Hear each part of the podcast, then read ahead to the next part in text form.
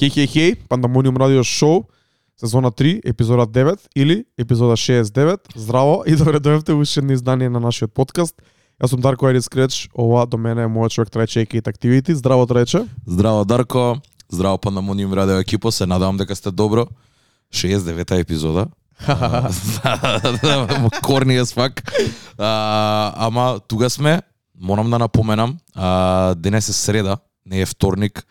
Го, ја снимаме епизодата ден погасно, бидејќи заради самите ситуации што се десија, заради некои неодложливи работи кои што се случија, непредвидеви, моравме да го направиме ова, но се уште сме тука ден касниме, ама сакавме да извадиме епизода и да не да не бидеме без епизода онака без year year ending епизода и да Брат, се одјавиме а, 20 за 22. Искрено сум премногу горд на а, континуитетот што го држиме оваа сезона.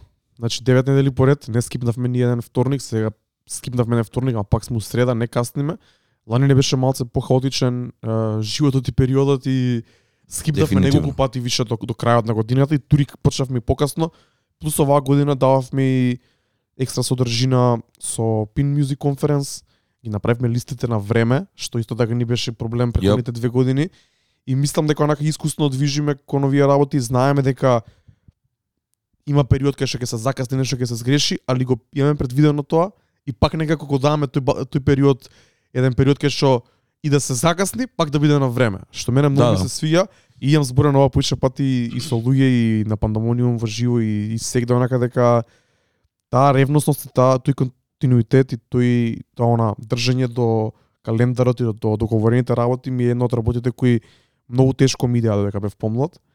И пандамониум е една од стварите која меѓу другите која направи да да научам да се држам до тоа и да онака да си ги завршам стварите на време да се држам до тој календар бидејќи е многу битно и значајно кога се работи вакво нешто да се држи континуитет и да им се дава и, и не само на луѓето, него и ние сами да знаеме дека ова го правиме секој вторник и да биде тоа дел од нашата рутина и мислам дека и само така може да идеме напред и да бидеме успешни и да бидеме константни у нешто вакво што реално е доста захтевно поглед на време, и поглед на ресурси, и поглед на онака одвојување на добар дел од неделата за правење и на од вакво денот нешто. пред се онака како да, а, цел метод е позади се во ова, а, ама кој што кажа, јас сум creature of habit онака како стварно сакам навики. И ова ми е таман, ова ми е ептен онака right in its lane, кај што знам вторник е резервирано за тоа од Сабајле, дека морам да сум наспијам дента предходно. Ако можам да се одморам онака за да станам порано, да се намести ова све тоа, да се и да, биде, да бидам спремен. Ме разбираш за кога ќе дојдеш, ја да не бидам у хаотична состојба, тука едноставно само да сме plug and play. Кој што бев јалани. на еден начин, да. и, и знаеш како, тоа затоа ти викам, добра е, добра е оваа навика, а и добра е за и луѓето кои не пратат, бидејќи знаеш како и тие кр- креираат можеби рутина околу околу, околу ова си знаат нешто прават тој вторник кога среда кога ќе искочи подкастот знаат да си го пуштат. Извине да го вие нарушиме рутинава за оваа недела и за оваа среда. Се надеваме дека ќе искочи ASAP денеска епизодава до вечер. Да. Инаку тоа е точно бидејќи е единствен подкаст кој го следам онака а, редовно и ги слушам сите епизоди од почеток до крај е The Road Podcast кој ги имам зборено со DJ од Лас Вегас.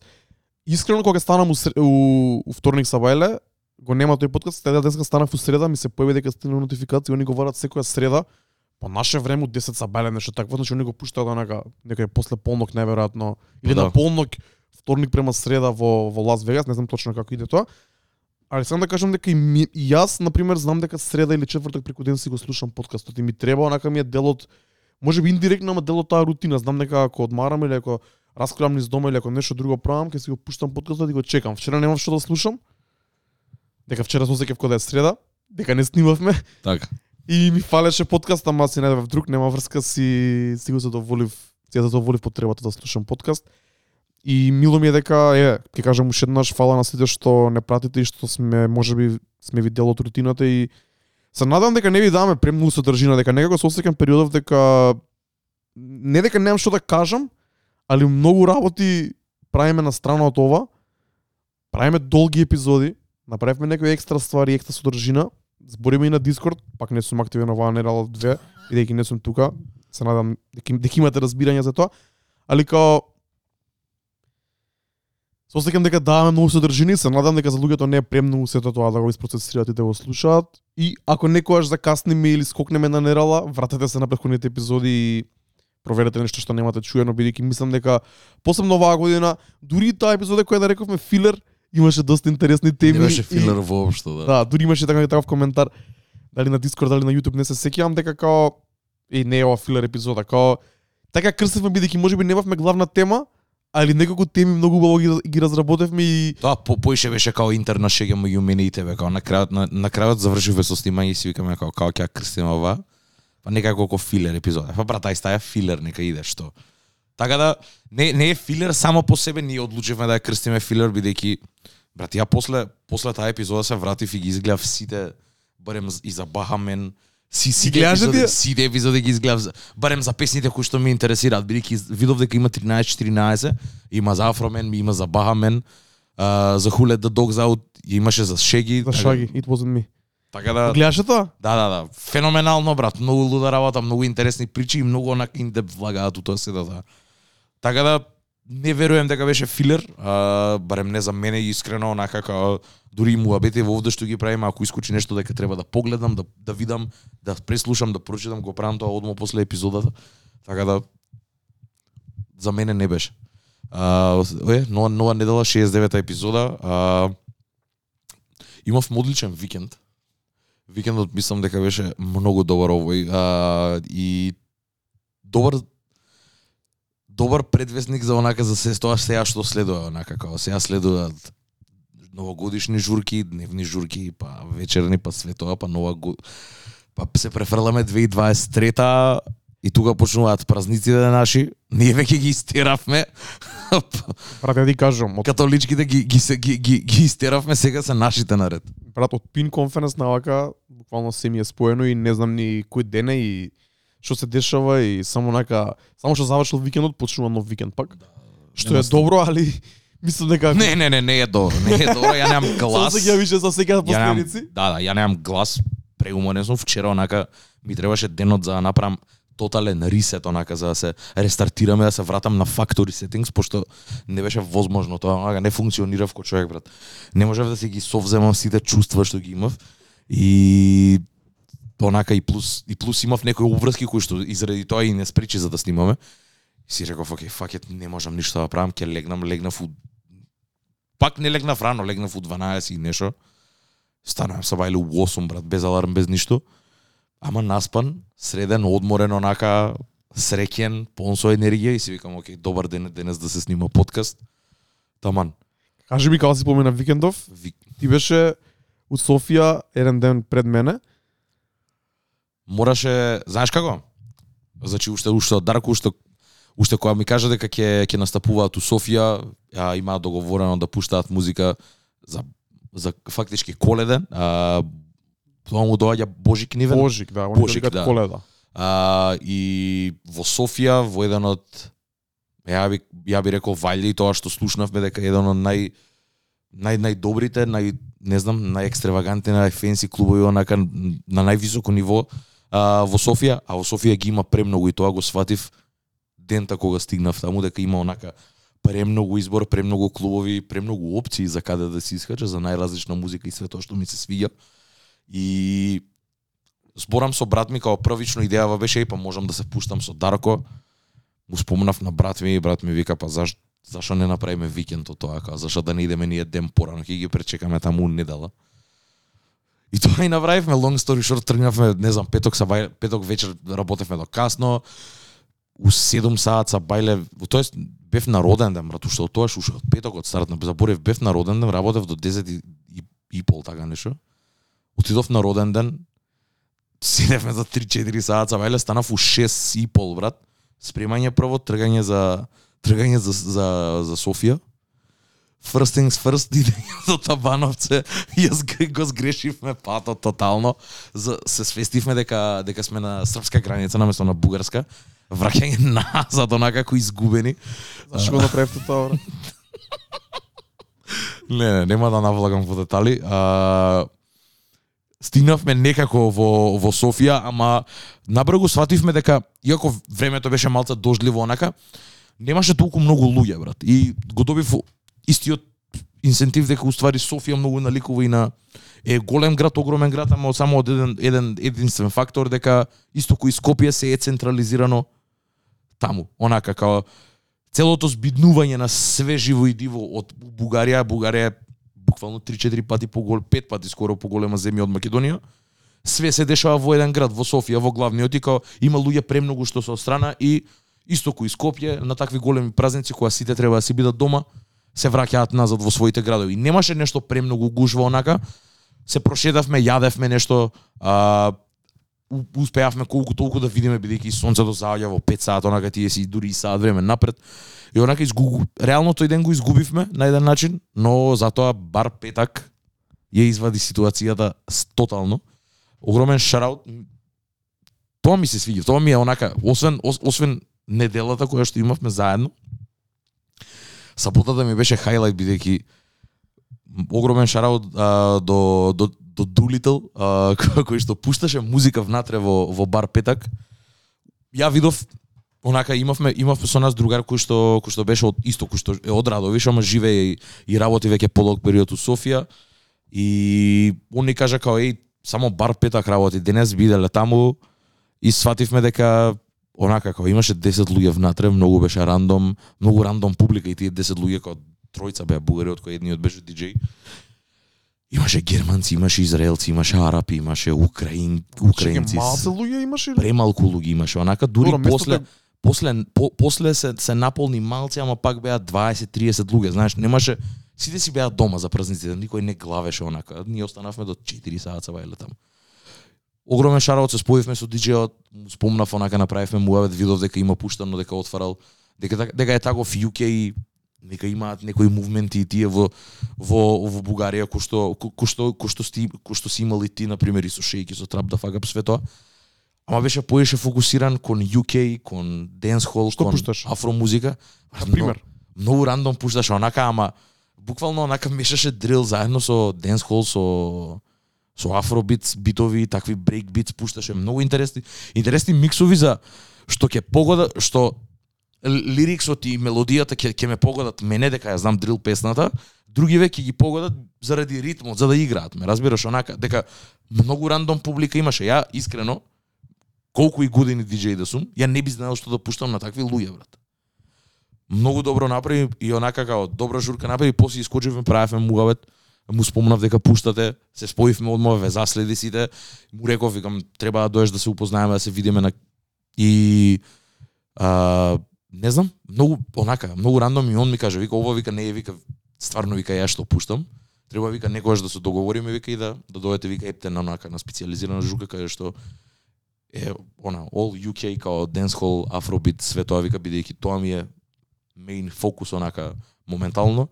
И се гледа дека му е стварно гледам дека гледам дека и фан онака дека И тоа не знаев, ми збореше за една интересна прича дека а, Ейсе Проки и Скепта а, делот делот Praise the Lord спотот е снимен во Софија. Немав поим. Не знам.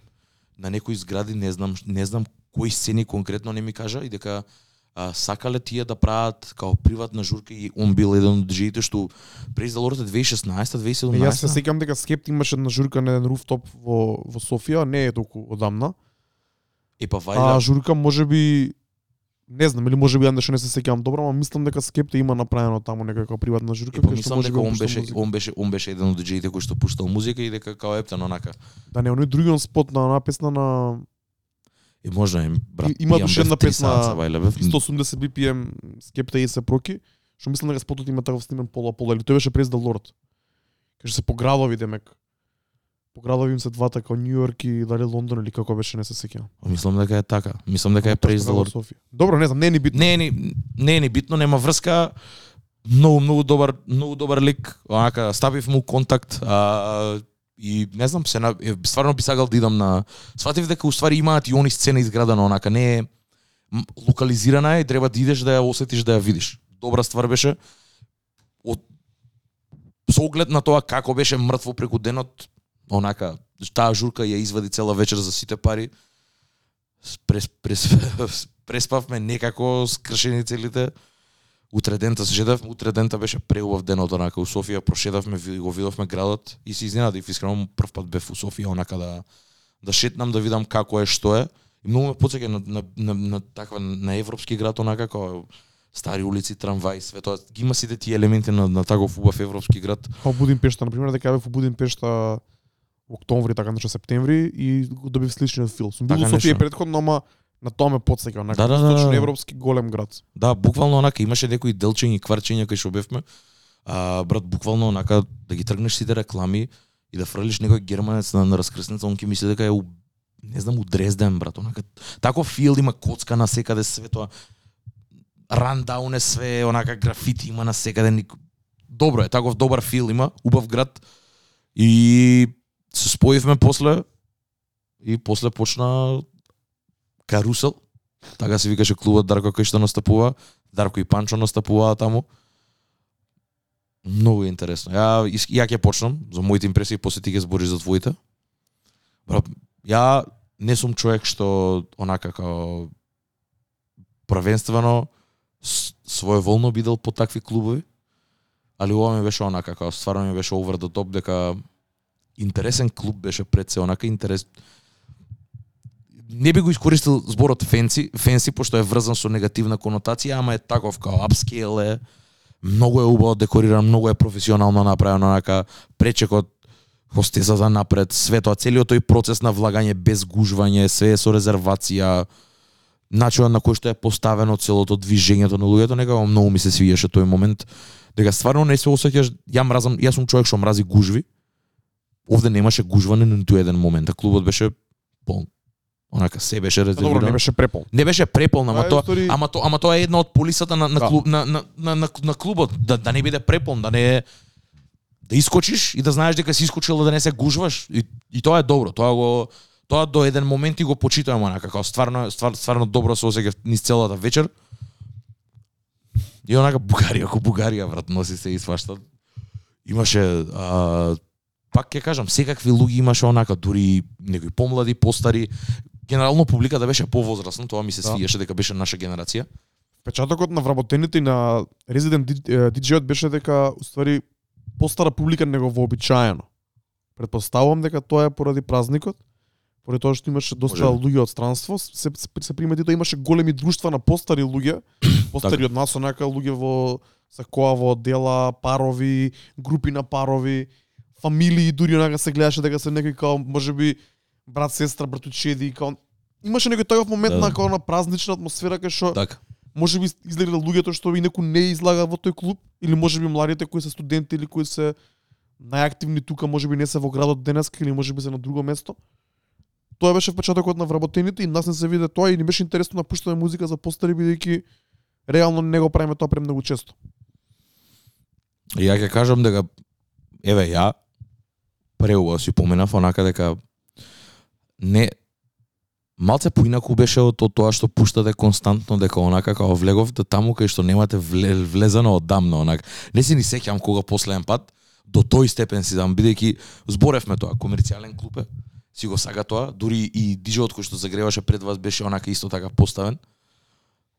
Кажи ми на пример ти као со Еве целото тоа. Ја јас јас си поминав преубаво многу девијантни појави, тоа само ќе кажам онака дури на момент ми беше културен шок онака дојде од света брат на рајски газ. не знам зашо, ама цела Софија е хукт он он он, он рајски газ онака не многу ми беше чудно онака рандом луѓе дуваат балони у клуб. Ја по 10 ги зимаат ко луди. А, Се пржи мозокот. се пржи мозокот и хаос стануваш.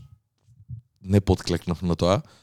Ама имаше премногу луѓе што го правеа тоа, како не знам, онака имаше луѓе до мене, он лево од мене на шанкот брат не прекинаа цела вечер онака константно.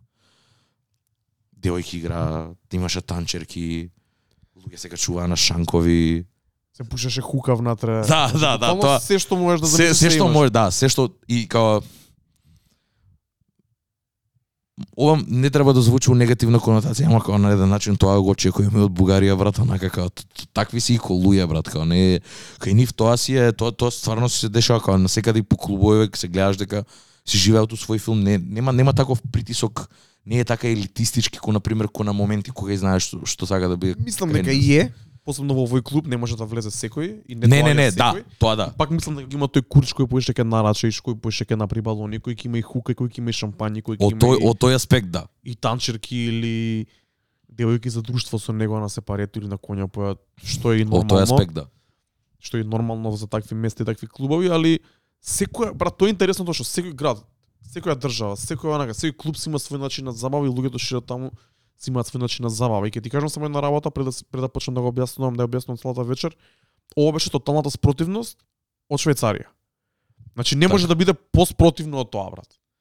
Таму имаше таму пуштаве музика у еден у едно венју, кај што го објаснував прошли пат, погледнете преходната епизода ако сакате да чуете малце поише за тоа, кај што онака немаше резервации, немаше конјопои, беше андерграунд, беше Да. мешано, беше онака имаше помлади, постари, имаше од се по нешто. Секој со секој играше, секој со секој онака вајбот беше друг. Се пушеше трева внатре у клубот или у бекстејдж, немаше хука, немаше као други работи, немаше балони, имаше можда дру, други дроги, ама као Да, да. беше тоталната спротивност. И музиката што ја пуштавме, можеби не беше и толку спротивна.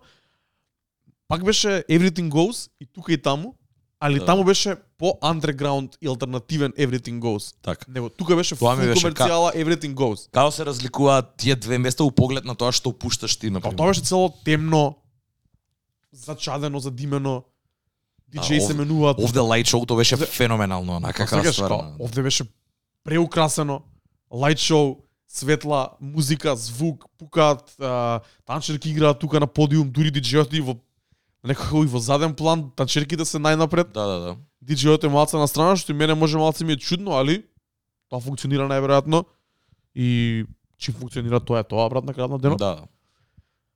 И беше многу интересно као одмаш чим чим влеговме ај на на тонска проба и можеби не го видовме. Тоа бидејќи го видовме само клубот како изгледа и изгледа топ, одличен клуб. Кога дојавме вечерта у 12, кога видовме какви луѓе има и каква музика свири, одма ни стана јасно, брат. Мислам дека сме премногу искусни и Панчо и јас веќе многу долго време го правам ова 13 години.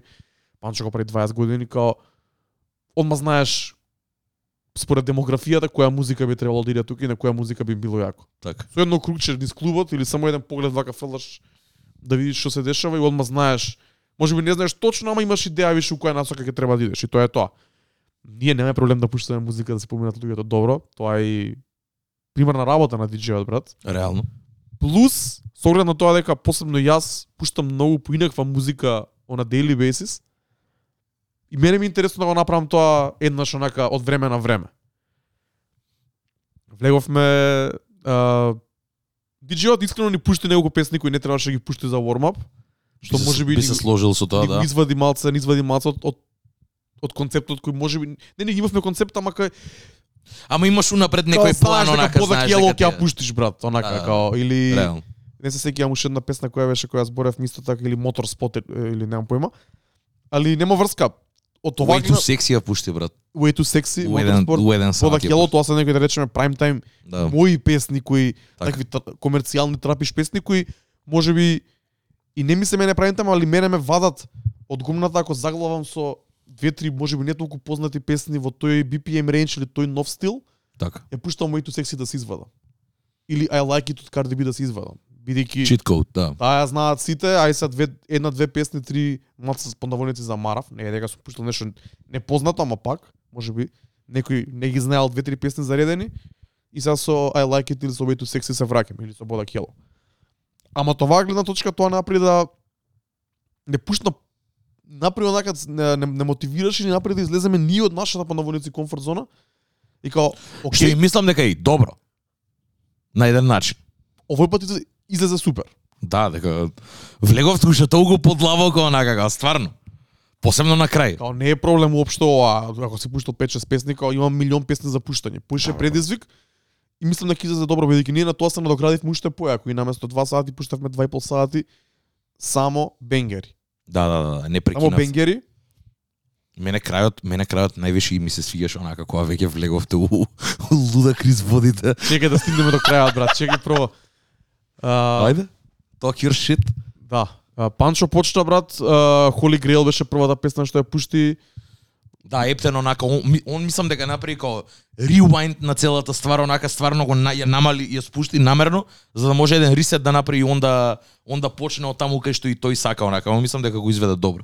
Тоа е тоа, брат. А, многу искусно го направи тоа, заедно со мала моја помош, али беше негова, негова ствар скроз. И го постави пак тоа темпо по која треба да идеме и влеговме, мислам, дека многу, многу солидно.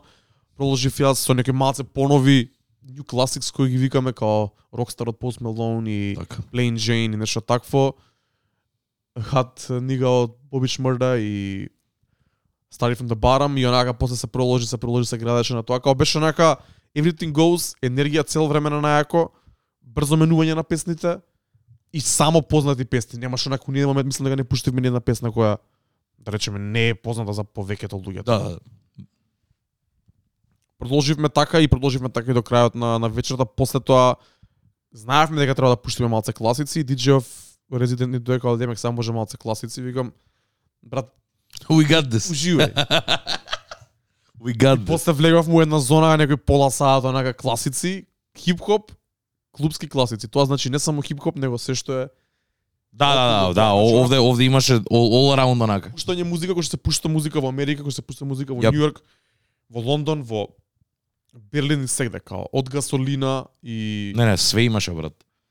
Панджаби MC, Све тоа. Ашерија, Candy Shop, партија по DMX, uh, Ludacris. Love, uh, не знам онака, дури некои понови као Тебо те се разбира тука во латино светот, малце Афро имаше Calm Down, Рема и некои такви ствари као бенгери, бенгери, бенгери, само бенгери.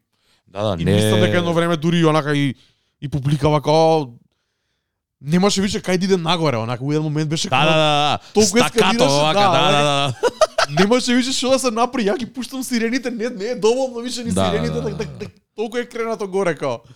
И мислам дека и мислам дека многу добро испадна и многу многу ми е мило дека таков сет испуштавме, бидејќи ова ме направи да сватам некои места кај што можеби не сум поминал добро во ваква клубска атмосфера кај што има многу измешана публика, зашто и не сум поминал толку добро. И една од најаките работи за оваа работа е што со секоја следна журка стануваш се подобар и подобар диџеј без разлика дали ќе поминеш добро или лошо. Сега поминавме добро, ама сега ми се разјаснија многу ствари што не ми биле јасни последнава година на пример на некои места кај што можеби не сум бил задоволен кога сум поминал, зашто не сум поминал добро.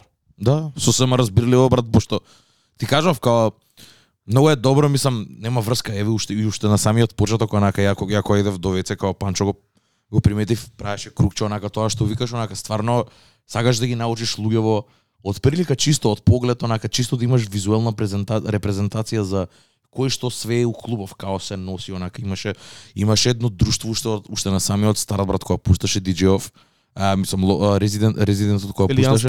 Селијански, да, и уште кога пушташ онака сите беа облечени у Palm Angels чуда, онака како сите беа ту тој кјоши, онака, окей, викам, овие се до некаде наши луѓе, како би знаеле тоа Млади кои младите, да, комерцијален ама имаше такви две друштва. Другото, кој што викаш, беше онака како повозрасни луѓе облечени онака поотмено, најразлична публика, машки, женски, измешани, онака некои дури Брат. онака само што сакаат good time, онака не се ни искочени ни за ни за конкретно за музика. Ја затоа реков во тој аспект не е елитистички дека окей, Айри Скреч и Шорти Пи Не елитистички во поглед на Во музиката. поглед на музиката. Ја не реков, не реков ели, елитистички во поглед на кој колку пари има или нешто тоа. Затоа реков, со тоа можам да се сложам, али не беше елитистички, на пример, као да чувствуваш притисок да можеш да ја знаеш музиката. Као, овде е обратното, ме разбираш, Да. као овде диџеите доаѓаат за тебе да направат журка. Види, Се, секогаш е тоа така, ама Да. ме разбираш, тука си ти сега, на пример, да се покажеш, као нов си, доаѓаш за прв пат овде, и сакаш да се покажеш и овде си као. И затоа мислам дека толку беше успешно брат. Мислам дека као се покажа тој диверзитет дека пак си го држиш тој твојот кор на на хип-хоп музика. Пак беше се базирано на хип-хоп музика Тоа е, али, али имаше рейндж од 90 до 2022 брат. Од регетон да све. до фанки, Све. до поп, Све, до све, све, све, све се покри, брат. До, до таму да кажеш, затоа ти викам да стигнеме до Лудакрис, до Екта Фулу, у 3 саат Четири. бајле, 4 саат бајле, као, стварно затоа ти викам, целиот арк, онака, целата вечер, мене многу ми се свигаше, константно беше енергија, онака, фул. Многу добро, брат. Многу добро, многу добра енергија, многу добро се возеше цела вечер онака. Луѓето беа овде, останаа и многу до крај брат, као ептено онака глава каде што дојдоа и рекоа дечки доволно е онака као стварно не валја можеше и да тера уште работава али као окей толку е вечерава као мислам дека заврши у 6 онака А, не, не, ние изгасивме неки 4 по музика, они после сакаа малце хаус музика. Тој модерен тех хаус со ремикси, Така. што исто така окей, бидејќи не дека не што да се пушти, ама мислам дека онака како што кажав го го истрошивме, ја истрошивме енергијата за хип-хоп, го и немаше да, да. немаше поише кај да иде освен надоле на крајот, онака као Да, да, да. дури и нашиот последен последните 15-20 минути од сетот више нормално да спадне енергијата бидејќи 2 сати беше топ ноќ на на највисок левел и огромен биг ап до Панчо, гостев и поише музика да пушта бидејќи беше бев му негова зона и као do your thing брат, ја ќе пуштев 3-4 песни ќе го стефам. Да, идевте бек ту бек онака се мешавте, да, да, не Значи беше. се пуштаме така, али на пример некако некогаш кога он ќе осети дека може би поише моја мој джир што се вика на хрватски како моја ствар ме остава од мене поише. Некогаш ја го осет гледам дека гази брат, пуште брат. Ќе пуштам 3-4 песни само што ќе ми дојат некој мало блокче од 5 минути, тоа брзо ќе ги сменам. Го оставам после него. И мислам дека тој сет ќе може да го пуштаме и сакам да го испуштаме еднаш и у станица онака да видиме што ќе се деси, мислам дека ќе гори епта. Ке сакаат луѓе да останат поише од 4 сати, ја да ти кажам. Знам. Тоа е лошо брат, некогаш се фаќаш, некогаш се фаќаш, е, се фаќам јас сам себе премногу овертинкам за музиката која ја пуштам. И онака се се што ќе биде, младите што сакаат, старите што сакаат едно друго, ама на крајот на денот као треба да биде пуштено се тоа у како да кажам брат, со, со одреден вкус, да не биде everything goes, да не биде онака буквално што ќе ти дое на рандом на шафл пуштено кој што и пуштаат многу диџеи во Македонија и пуштаат така и многу диџеи што ќе дојдат и од Србија и од Грција во форма на ремикси, пуштаат онака буквално нема никаков концепт вечерта, се води под името хип-хоп, а хип-хоп инфлуенста, ама не е и баш хип-хоп. Ја не сакам, не сакам да звучам лошо, ама на пример Resident DJ-от на почетокот така ми беше онака како без концепт онака само се само да се пуштат песните. А мислам дека пушташе хип-хоп и трап. Не, не, не, така беше, ама единствениот концепт беше дека е дека е жанровски хип-хоп и трап, ама онака тоа е- песните песните меѓу себе чисто онака колку за да бидат Добро, пуштени. тоа е, да, тоа е може би твојот впечаток, како го прашаме него, сигурно он има начин на кој Да, има сигурно Он ги- метод позади сето тоа, да. Он, он ги пушта и он ги бира песните, ама ја поише зборам за вие за prime time DJ што пуштаат буквално се и се што брат, ама најверојатно на грото од луѓето тоа им се свига. Мене стилски тоа не ми се допаѓа. Јас почитувам open формат DJ, почитувам мешап сетови и, и се тоа, ама се гордам на тоа дека uh, направивме ние добар сет хип-хоп based пуштан на хип-хоп начин, Да, скречови со сирени, со pull-up, со backspin, со така. ме- менување песни на прва и така натака и така натака. Тоа затоа тоа и тоа што кажа брат, тоа е тоа е две две она тие се тие различни различни моменти каде што ете, првото првото е онака all arounder си пушташ шептен кој што викаш диџејски онака с everything goes, тоа и беше на пример, тоа ми беше и впечатокот у бар петак, дента предходно која бевме, бидејќи стварно имаше многу различна публика онака на моменти ке се се пушта се, се пушти некој чуден микс од Calm Down и Раз милион Фиона брат, као онака као нешто. Такви ствари се пуштаат, се идеш онака за да затоа ти велам за, и за ја да можам лириксот да го пеам, а друг да може да игра на ритмот, пошто ако е ако е само дрил песна, само ја ќе ја знам, вака шири до поише луѓе, ама овде то ми се свиѓа таа динамиката, ми се свиѓаше и динамиката бидејќи имаше луѓе кои што играа и на на warm upот, која пушташе резидентот и после тоа се префрли кај вас дека сватија што правите и свати сватија кај идете. И као и ми се свиѓа дури и кога намалувавте канали луѓе пеа и све тоа.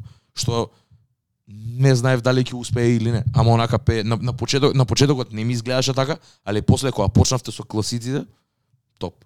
Као ептен ептен онака као луѓе почнаа да почнаа да комуницираат со вас со со со, со диџеите им, тоа беше мислам дека тоа за диџеј е онака најдобра ствар, онака кога ќе ќе гледаш дека публиката е свртена, дека не е не, не е свртена кон себе, туку онака кон диџејот и дека сите очи се на така. Тоа беше уште една разлика со Швецарија. Швецарија сите си игра у свој круг, а вамо беше пак према Да. према диџејот што ние повеќе го сакаме брат. Ме- Мене затоа Поприродно станица многу тоа. ми, многу ми се свија брат дека сите очи се вперени кон таму. Така беше и епи. Да. За таков концепт, Тоа поише онака ми, мене, мене ми прија.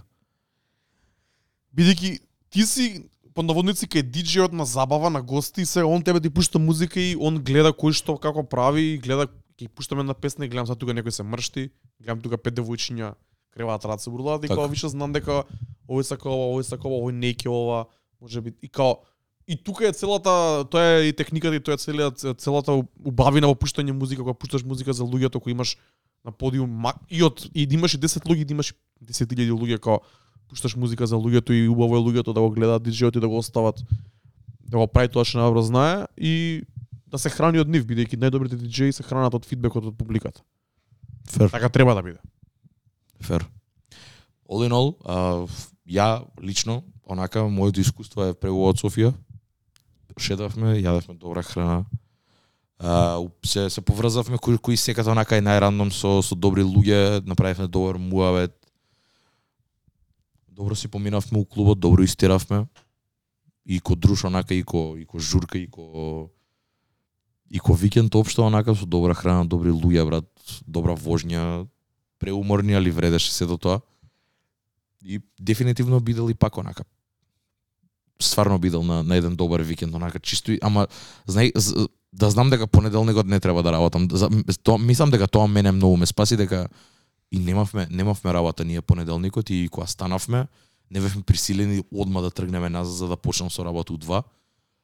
Јадевме, кснавме, шетнавме, пиевме едно, едно кафе и као на три поручек, ајде тек сега ќе си тргнем и таман. Стигнав дома прик вечер, легнав, одморив и тоа е. Тоа ќе ми треба, дека Софија ама пак саат време е напред, имаш добри 180-200 километри у еден Споро иде патот. споро иде патот и, и троши. Ем, ја не ни возев, брат. Брат ми ја дал нека моја, напред назад, возење низ, низ Софија, не знам како успеа човеков, ама тоа е. Не, имавме среќа дека не беше гужва, брат. Беа пак И празници тоа и не плюс беше гужва. празници, празен е градот, да. Ама all in all, според мене, Само за крај ќе кажам дека се инспирирав и се мотивирав од Чуркава да направам еден таков ултра парти сет што еве кажам тука ќе го пуштам неколку пати следниот следниот период и тоа знам кај кај кои букинзи може да помине вакво нешто. ајде. Сега има тука од до. За разбира некои песни се уникатни само за Панчо и само он ги пушта. Така. Некои песни не ги имам за рад од тие од тие што ги пушти, посебно тие што не се хип-хоп. Некои песни се по ќе направам тоа на мој начин, ова ова искуство што ги имавме тука ќе го направам на мој начин и ќе го прилагодам малце поише за Македонија и ќе го пуштам неколку пати овој сет. После празници обавезно го спремам, спремам еден или повеќе Пост празнично, кредитови со. А гледај, тоа е убаво се пушта и сега, али зборам дека ќе направам еден кредит season. еден кредит инспириран од оваа журка, бидејќи како што кажа ти, одамна немаме пуштено ваков сет. Овој сет беше пуштен порано многу повеќе. Верувам, Пред 5-6 години дури во Скопје и во Македонија. верувам. И знам зошто. А не мислам, тоа се слушаше брат. Така, се- так, так, таква беше, таква беше сцената, да. Пред да влезе трапот толку да речеме у, Да, у мода. реално. И пред да досади премногу тоа, затоа и влезе трапот у мода бидејќи ова премногу досади. Да, беше пуштено разбирливо. од секој диџеј на секоја можна журка по сто пати истите песни. Ама интересно да пуштиш гасолина еднаш у неколку месеци. Ја пуштив еднаш гасолина у Хавана. У Хавана летови, онака јас брчив исто вака, јас, грмев онака од прва као тн т т т т Да, и така почнува, и така one, почнува, да. нели он го го гасира многу интрото и за тоа е толку јака песна, за тоа е легендарна песна, брат, и онака и уште една работа само ќе кажам како заклучок на тоа. Calm Down од Рема измиксав со а, во те, во Vibe, во, те, во Тетово, во саботата измиксав со Понди Риплей од Риана. Тука ако не се лажам измиксав со Get Busy или можеби со некоја друга, не ме фаќате за збор, Мислам дека беше Kids Busy. али као огромна паралела може да се направи со ова враќање на регетонот во мода за прв пат влагање на афробитс у мода на светски рамки. Исто тоа се деси пред 20 години со Гасолина, со Ромпе, Дономар, Деди Јанки, Зајан и Ленокс, кога на хип-хоп журки се пушташе Као се оној на- се најпознатиот, пушташе нај... Чучука, се пушташе све тоа. МС, Албумот на Норе Као се викаше она најпозната на песна кај што е Као му се викаше на Норе. една песна Оје ми канто. Ој е ми канто исто. Хит. 2002 мислам дека беше. Баш завчера ја слушав, брат. Све тоа, everything. Ама се ама се враќа као и сега Да, да. ќе каже абе ова не е хип-хоп брат. Абе и гасолина не е хип-хоп брат. Ама регетонот посебно во Њујорк, Да, да, посебно да. кај што од кај што доаѓа е многу сроден со хип-хоп. Кај што има посебно малцинство на Ама Лил Џон е на интрото на Гасолина, брат, Да, да, да, се да, да, да. Little known fact. Тоа е. Мислам, Прес сродни се, ме разбираш? родни се, брат. Да. Значи, Get Low од Lil Jon има ремикс од Elephant Man. Што Јап. денскол, као... Сродни се тие тие ствари. И за тој Рема Calm Down одговара со ова. Јако Calm Down може би многу луѓе не ја сакаа бидејќи TikTok хит. Ама брат, одговара со од- одговара да влезе на хип-хоп журка. Ја бидејќи немам TikTok, не ни знаев дека е TikTok хит. Мислам, тако вирален хит, без разлика каков, ама Ја немам проблем да е сродни се- вирално нешто. Сродни се, Да. сродни се правците, сакам да кажам, брат, и, и за тој, еве, два пати, две, две вечери поред ги измиксав така, бидејќи има логика. Гасолина е старата верзија на нешто, на Лав на Вантит или на некоја таква глупост, не знаам поема се која од нови афробит или од регетон песни. Така. Може да се повлече паралела, сакам да кажам и одговара. И одговара супер да се смени бидејќи немаме толку добри хип-хоп бенгери и може да се префрлиме и на затварање на нашава година бидејќи едноставно брат ќе кажам дека немам некои многу добри мемории од 2022 година као онака као поглед на хип-хопот, сме збореле ова поише, ама као освен глупостиве на Кање, на светски рамки, Добро. и некои проекти кои одбележа годината кои ги зборевме прошли пат, отворете ја преходната епизода и зирнете збориме за нашите листи за 2022 година. Кога неам некое сеќавање, нема да ми остане годинава по нешто нака запамтено од тебе. Види, а, во поглед на во поглед на музика на хип-хоп, ја мислам дека годинава и многу поише слушав него Лилани, што е многу чудно бидејќи годинава слушав многу поише нова музика, онака чисто за да преслушам, за да дознам што како и се поише и поише навлегов во тоа, ама останува уште тој сентимент дека и годинава беше исто кој и Лани, све е расцепкано, ништо не е онака сведено на едно, нема еде, еден правец, сите си се по различни води. И затоа не можам да издвојам еден. Можам да издвојам неколку, ама пак тие не се деф, дефинирачки, ме Ама не разбираш? за албуми, него моменти онака. Не, не. И, Ствари што се деси. и за моменти не можам да се сетам на не можам да се сетам на на на, на еден као нема нема таков легендарен не бевме не бев на некој поголем фестивал, не бев на некој поголем концерт годинава, освен кој што ос- освен што бев на а, освен што бев на еве би го би ги издвоил би ги издвоил валјда би ги издвоил од цела година и све тоа што се дешаваше на тоа ниво и што можев да, да искусам и да успеам да видам ке е Sunny Hill, а, бидејќи таму настапивме за прв пат како пандамоним, како медија, а, како медиум и отидовме таму чисто да го искусиме со други очи. А, фестивалот не отидовме само за журка онака, чисто да видим пак да се поврзаме со луѓе и да направиме муавети. Успеавме попратно и да ги видиме и AJ Tracy и а, и Скепта. А, и за пропратно и јас, еве, може би и тоа ми е лично најголем хайлайт, дека успеав конечно да го видам Екшн Бронсон живо. Тој беше утирана. Али не беше нешто премногу Не, бе, задоволен. не, не бев нешто премногу задоволен, али онака, знаеш, само го тргнав од чеклиста дека го имам видено. Би сакал уште еднаш да го видам у пропер онака светло каде што и луѓе и сите луѓе ќе ќе ги знаат песните јако што ги знаев, пошто таму никој ништо не знаеше, онака имаше тројца луѓе, меѓу кои разбере дека нема да знаат муабет со Килуа која беше овде дека валјда јас они уште еден бидејќи бевме стварно тројца, ама тоаш не се ни знаевме. Сигурен сум дека онака како и неговото иску- искуство беше дека лошо си поминав, ама мило ми е што го успеав да го видов, да го видам, ме разбираш. Пак ќе кажам, не е доволно, не е доволно, ми нема некој хајлайт, ми нема нешто ми фали, ме разбираш? Као 2016 убаво се сеќавам дека бевме на Дрейк брат. Све ми се деси.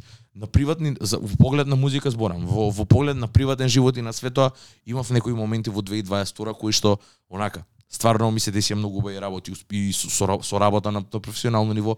Све тоа ups and downs имаше.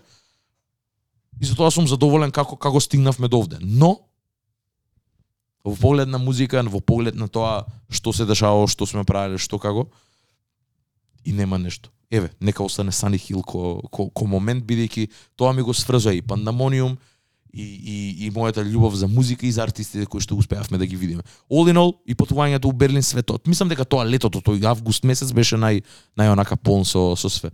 Све изоколу беше онака give and take, слушање музика, ново зборење, пандамониум цело време, мислам обработување на нова музика, ама мислам дека знаеш како и ние а, во поглед на проф, од професионална гледна точка вака и тоа што работиме, мислам дека од моментот кога го отворивме Дискордот, навака беше онака се поише и поише инволвирани. Мислам дека ни дае една нова трета димензија на нас и а, конкретно од, од поглед на пандемониум мислам дека од тој момент натака онака се поише и поише ми се сум инволвиран у сето тоа, ми се свиѓа енергијата и ми се свиѓа промената на на ангажмани, на на енергија колку треба да се внесе у сето тоа, да, да збориш со луѓе константно за музика, да оформиме тако комјунити кој што оформивме. И мислам дека во поглед на во поглед на Pandemonium Wise онака, би би ги издвоил Sunny Hill бидејќи беше едно едно ново искуство и Дискордот кој што го отворивме, кој што мислам дека тоа сега е онака како мега успешен барем за нас. Зашто не зборам за достигнување, успешен сам, самото отварање без разлика на А, тоа. дека живе, ден Тоа. денес живе, само Тоа. по себе живе, онака it's a living thing, луѓе стварно си прават муабет, комуницираат, врз основа на Дискордот си имаат десено многу дружби, си имаат десено многу муабети, уживо си има пренесено сето тоа на неколку пати и многу ми е мило дека е тоа така. Ме разбираш? Успеа да го надживее тоа и да искочи надвор од виртуелното и да се префрли во физичкиот свет на неколку на Што неколку е the пати. ultimate goal, Што е, онака. Да, као тоа е тоа е врвот што онака секој би сакал да го достигне тоа, ме разбираш, као ние сме на крајот на денот сме онлайн медиум, ама еве и преку пин и преку све друго наоѓаме начини како да стигнеме и до физички да стигнеме до луѓето кои што не пратат и кои што не поддржуваат, бидејќи стварно го сакаме тоа. Да, да, да. Ултимативно тоа го сакаме, енака, на крајот на денот тоа е нашата желба, онака не не сакаме ние да бидеме само онлайн луѓе онака како да не, да не постоиме, ја многу го мразам тоа, многу сакам физички презенц со сето тоа. Таков и Дарко нормално. Дарко е епитомот на физи, на физичко на физички презенс, така да мера од во, во поглед на во поглед на пандемониум, еве, ќе ќе сумирам дека тоа од виртуелното во физичкото ми беше омилено да сврши што се деси 2022. Да, да, да, дефинитивно, брат. Имавме многу добри моменти годинава. А, Дискордот беше у прав момент отворен, онака долго време и ме тераше да го отвориме, не го разбирав доволно, не бевме спремни да вложиме повеќе енергија од тоа што го правевме, имавме и потешкоти да бидеме редовни бевме, али не можеби до нивото кое што требаше да бидеме преходната сезона. Беше се многу хаотично, се разбери во нашите животи персонално и со работа и секако, али убаво може тоа да биде како една онака од отварањето на Дискордот на овака, онака многу добри ствари да се сподешава. Тоа што беше лоша страна што не снимавме толку редовни епизоди лани, се одрази на тоа да ни се проложи е, онака сезоната до малце по, покасно во влезот во летото. Па така успеавме да Па и таман да успеавме да фатиме, И да, тајга. добри моменти, да. Honestly Nevermind, uh, The Fest, така и затворивме, така. ако не се лажам, така да имавме онака добри моменти што ако бевме на време, можеби тие немаше да бидат дел од втората сезона, вака и тоа влезе втора сезона и се разбира третата сезона кај што бевме приморани да вложиме пари во нова камера. Сега за сега ни е добро, ја користиме, пробуваме да го кренеме нивото.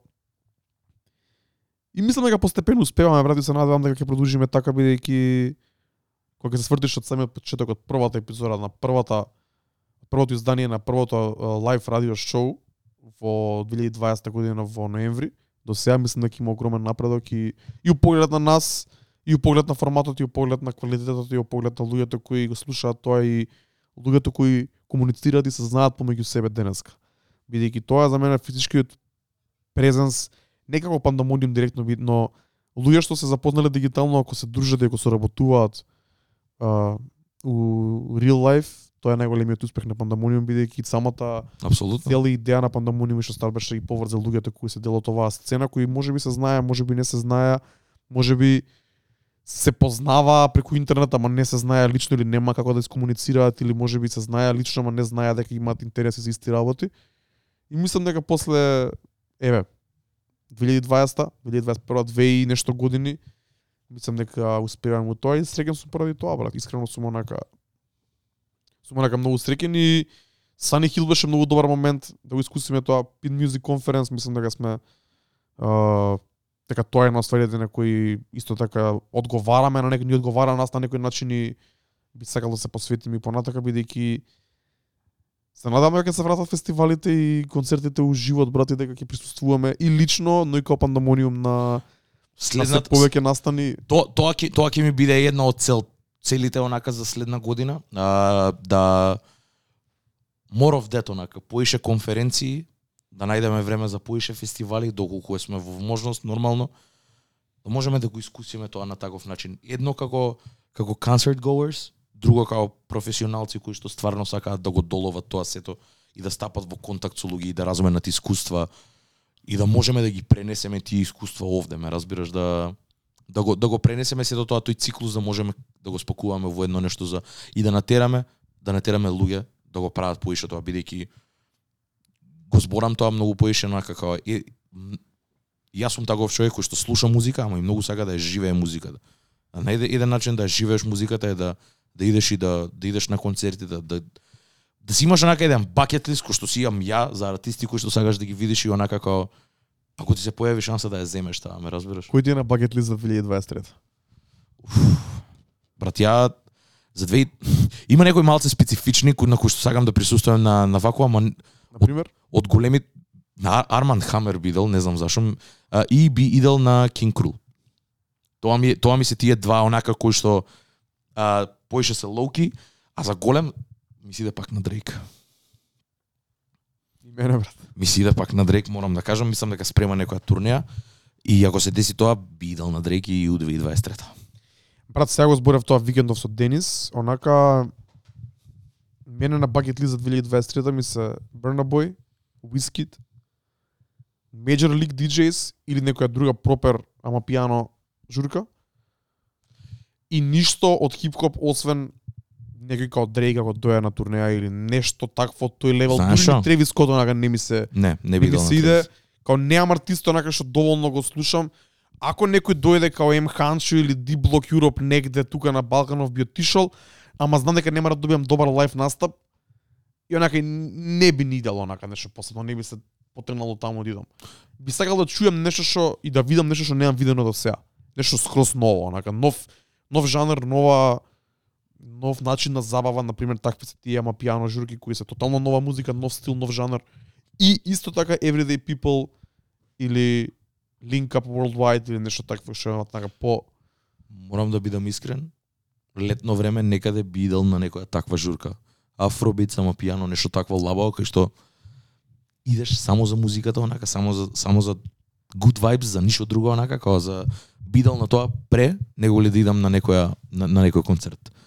Онака да бидам присилен да идам на концерт. Не, значи, сакам да е полоуки, само убава енергија да има. Па брат, не знам дали го зборевме ова тука во, на, во Пандамониум во живо, но тоа е некако не ми се свија кај Rolling Loud оваа година, некако многу бомбастично најавија големи имиња Кендрик и Тревис Скот као хедлайнери, ќе оправат у Португалија, ќе оправат на местото на Уха во Холандија. Се тоа е Ќе биде на затворен венју, каде што чудев коментари дека не е нешто многу добро, не е, салата не е за такви настани, не е намената за такво нешто. Во сред лето ти го правиш на затворен простор, во Португалија го правиш на песок, онака тотални спротивности се. Не знам, мојот впечаток за Rolling Loud, откако ги купивме картите, до откако не успеавме да идеме во 2020 до сега, ми си има онака скроз... Да. Нема да кажам, Изгубив интерес ја. нема да кажам сгрозено, ама ми си има направено таков еден таков добив, добив таков впечаток дека онака многу не, не, не, не го знам правиот збор да го кажам, брат. Многу корпоративен фестивал, брат. Фер. Значи многу Ја ќе го кажеш тоа. многу Да. фейк, многу само за пари, многу ком- комерцијален до таа точка кај што ми се појавува fucking секоја стори на спонзор. Го блокирав профилот на Rolling Loud, брат, да не ми се појавува. Верувам.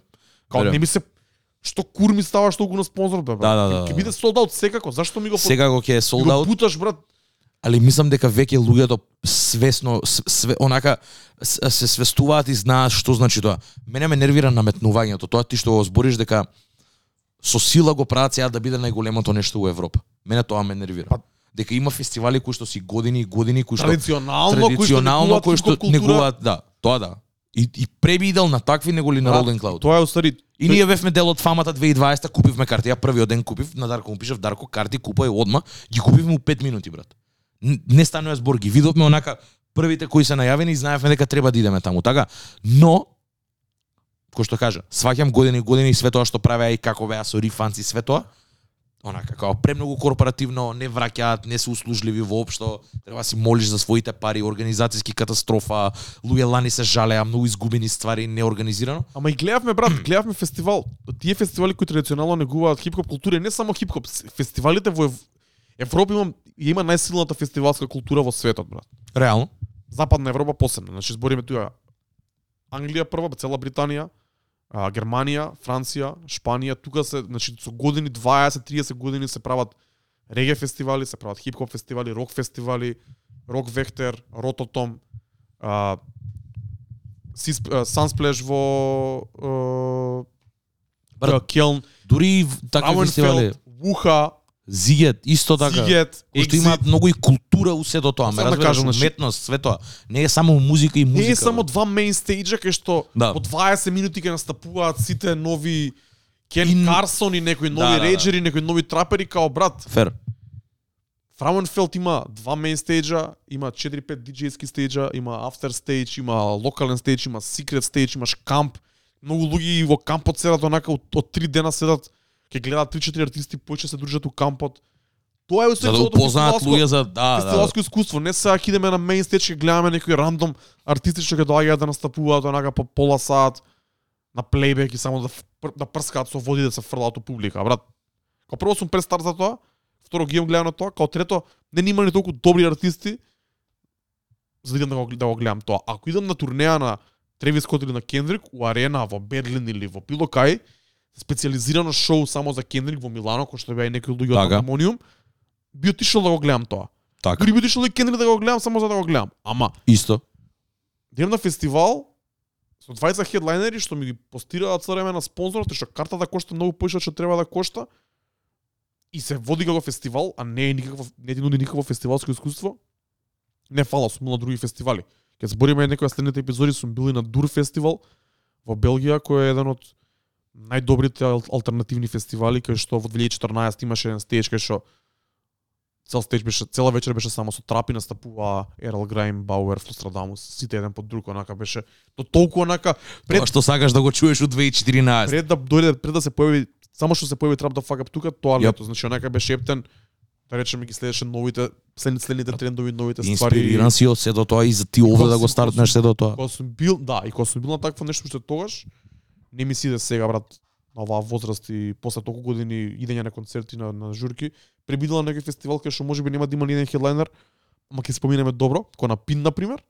А тоа Така. друг, од, од друг размер е, или кој на Дфест, кај што за 150 евра ќе си поминеш преако 3 дена, отколку да преплатам некое искуство што не, не знам дали ќе се Да, да, споминам ги добро. има, ги има многу такви дур, мелт, онака се се на ум. Зигет е еден од поголемите кој што исто така ги има таа бранша на алтернативно на алтернативно. Така да Европа нуди премногу, дури и многу од нив си не си толку многу познати, а се многу помали се размерно и многу поквалитетни бидејќи кога е помал фестивалот толку поише грижи има во сето тоа што го прави, Да.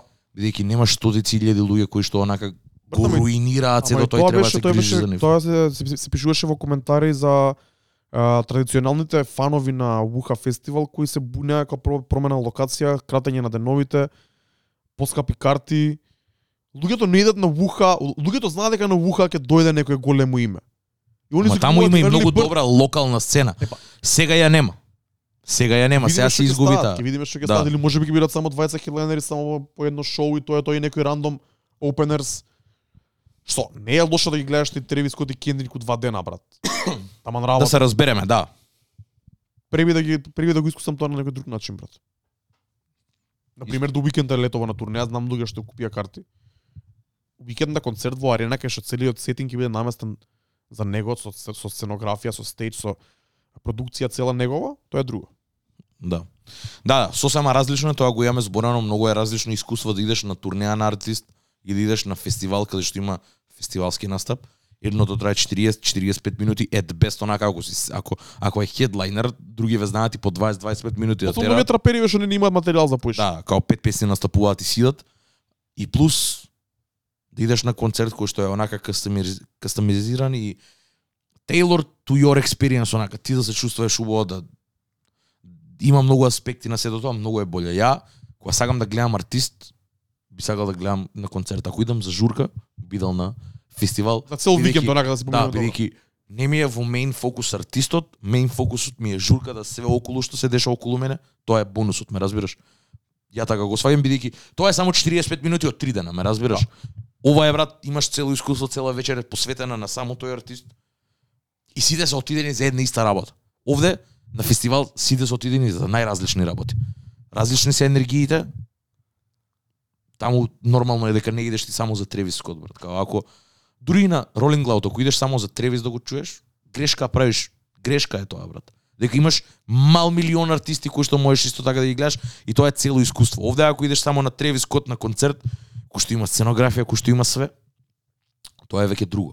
Затоа ако барем во мои очи поише поише преферирам за артисти кои што сакам да ги видам, поише преферирам онака соло концерт неголи фестивалски настав кој што доаѓа, настапува 45 минути на сцена и го снемува онака нит нит вижуалс има, нит ништо, Има дел од тие работи, многу ретко. тоа што се прави на фестивал на- најлесно што може да се направи. Вижуалс може дека има Така. лед екран, ама нема ништо друго. Да. Заради тоа. Знаеме како како е кога бевме на Дрейк последно, као и на Future кога бевме. Така, Сосема поинаково искуство него ли да идеш да го гледаш на фестивал. Ке Дрейк посебно со топките Дрейк со посебно, сега- да, да, да. Тоаш беше то, тоаш само што сам пред да искочи More Life, тоа беше uh, The Boy Meets World турнеата, тоа беше и за Views, па па беше некаков предвестник за More Life, настапи со неколку underlist песни онака, дури тоа го гледавме и и на на Инстаграм дека имаше на не, во некои градови предходно онака имаше настапувано со неколку underlist песни и као Views, сите тие бои, тоаш беше и, и Hotline Blink, Да. онака Ептен во еко само што искочи и сите тие бои онака и Hotline Blink која ја настапи Ептен беше во во целиот тој сетап онака тоа лилјаковото све тоа што така да it's tailored за listening experience за гледање онака како многу е поише соло концерт затоа го предпочитувам тоа доколку го сакам да видам некој артист. Ќе видиме оваа година што ќе се дешава, дека во 2022 година многу од артистите не направија турнеја во Европа.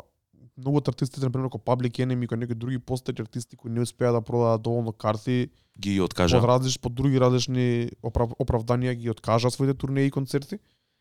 Мислам дека заради тоа ние не успевме да отидеме никаде бидејќи немаше некако немаше онака бомбастични турнеи. Мислам дека таа индустрија уште се опоравува од ковид и од сите други кризи. И има голем дисбаланс помеѓу цените на артистите, цените на картите, можностите на луѓето, желбата на луѓето да гледаат Да. и да платат толку за да гледаат некој артист.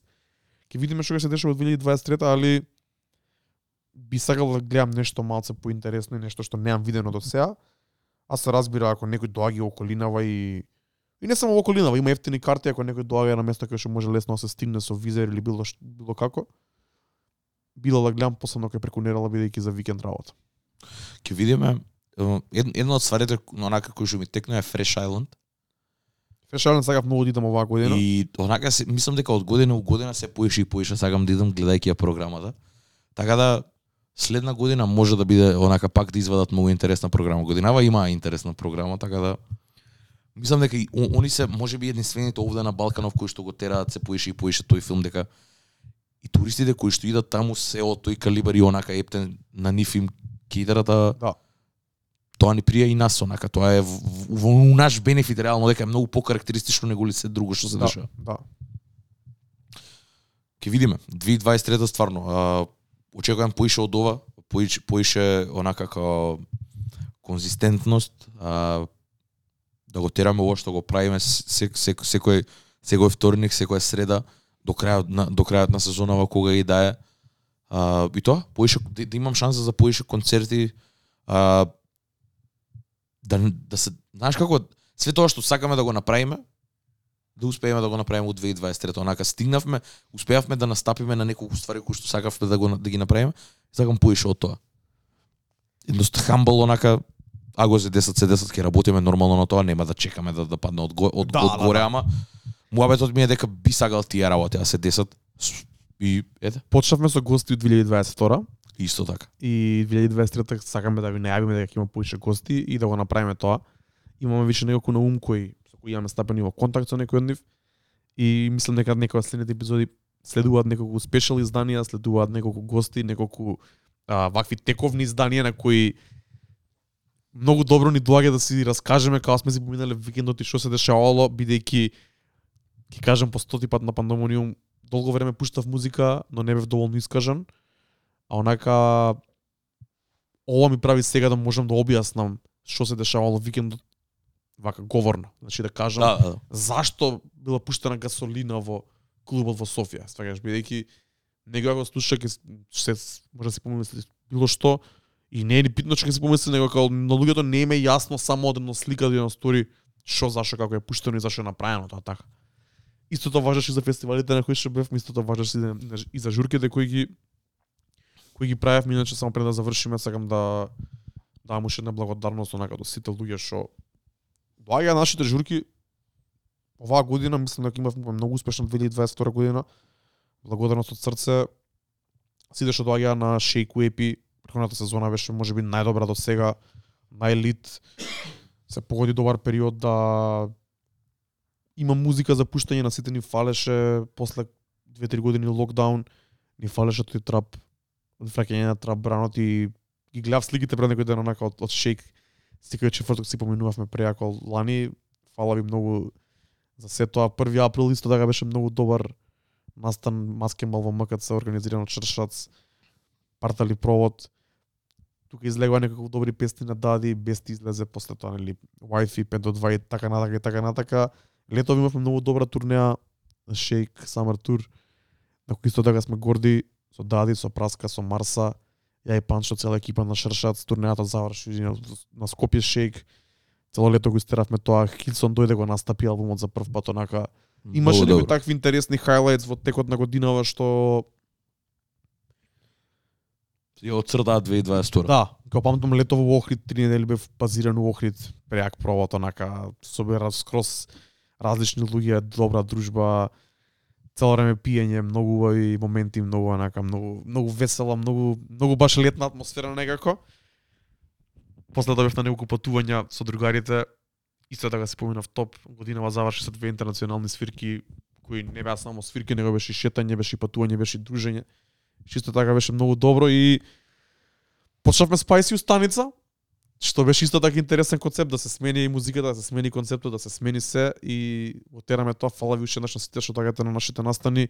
Тука беше концептот на ДНК.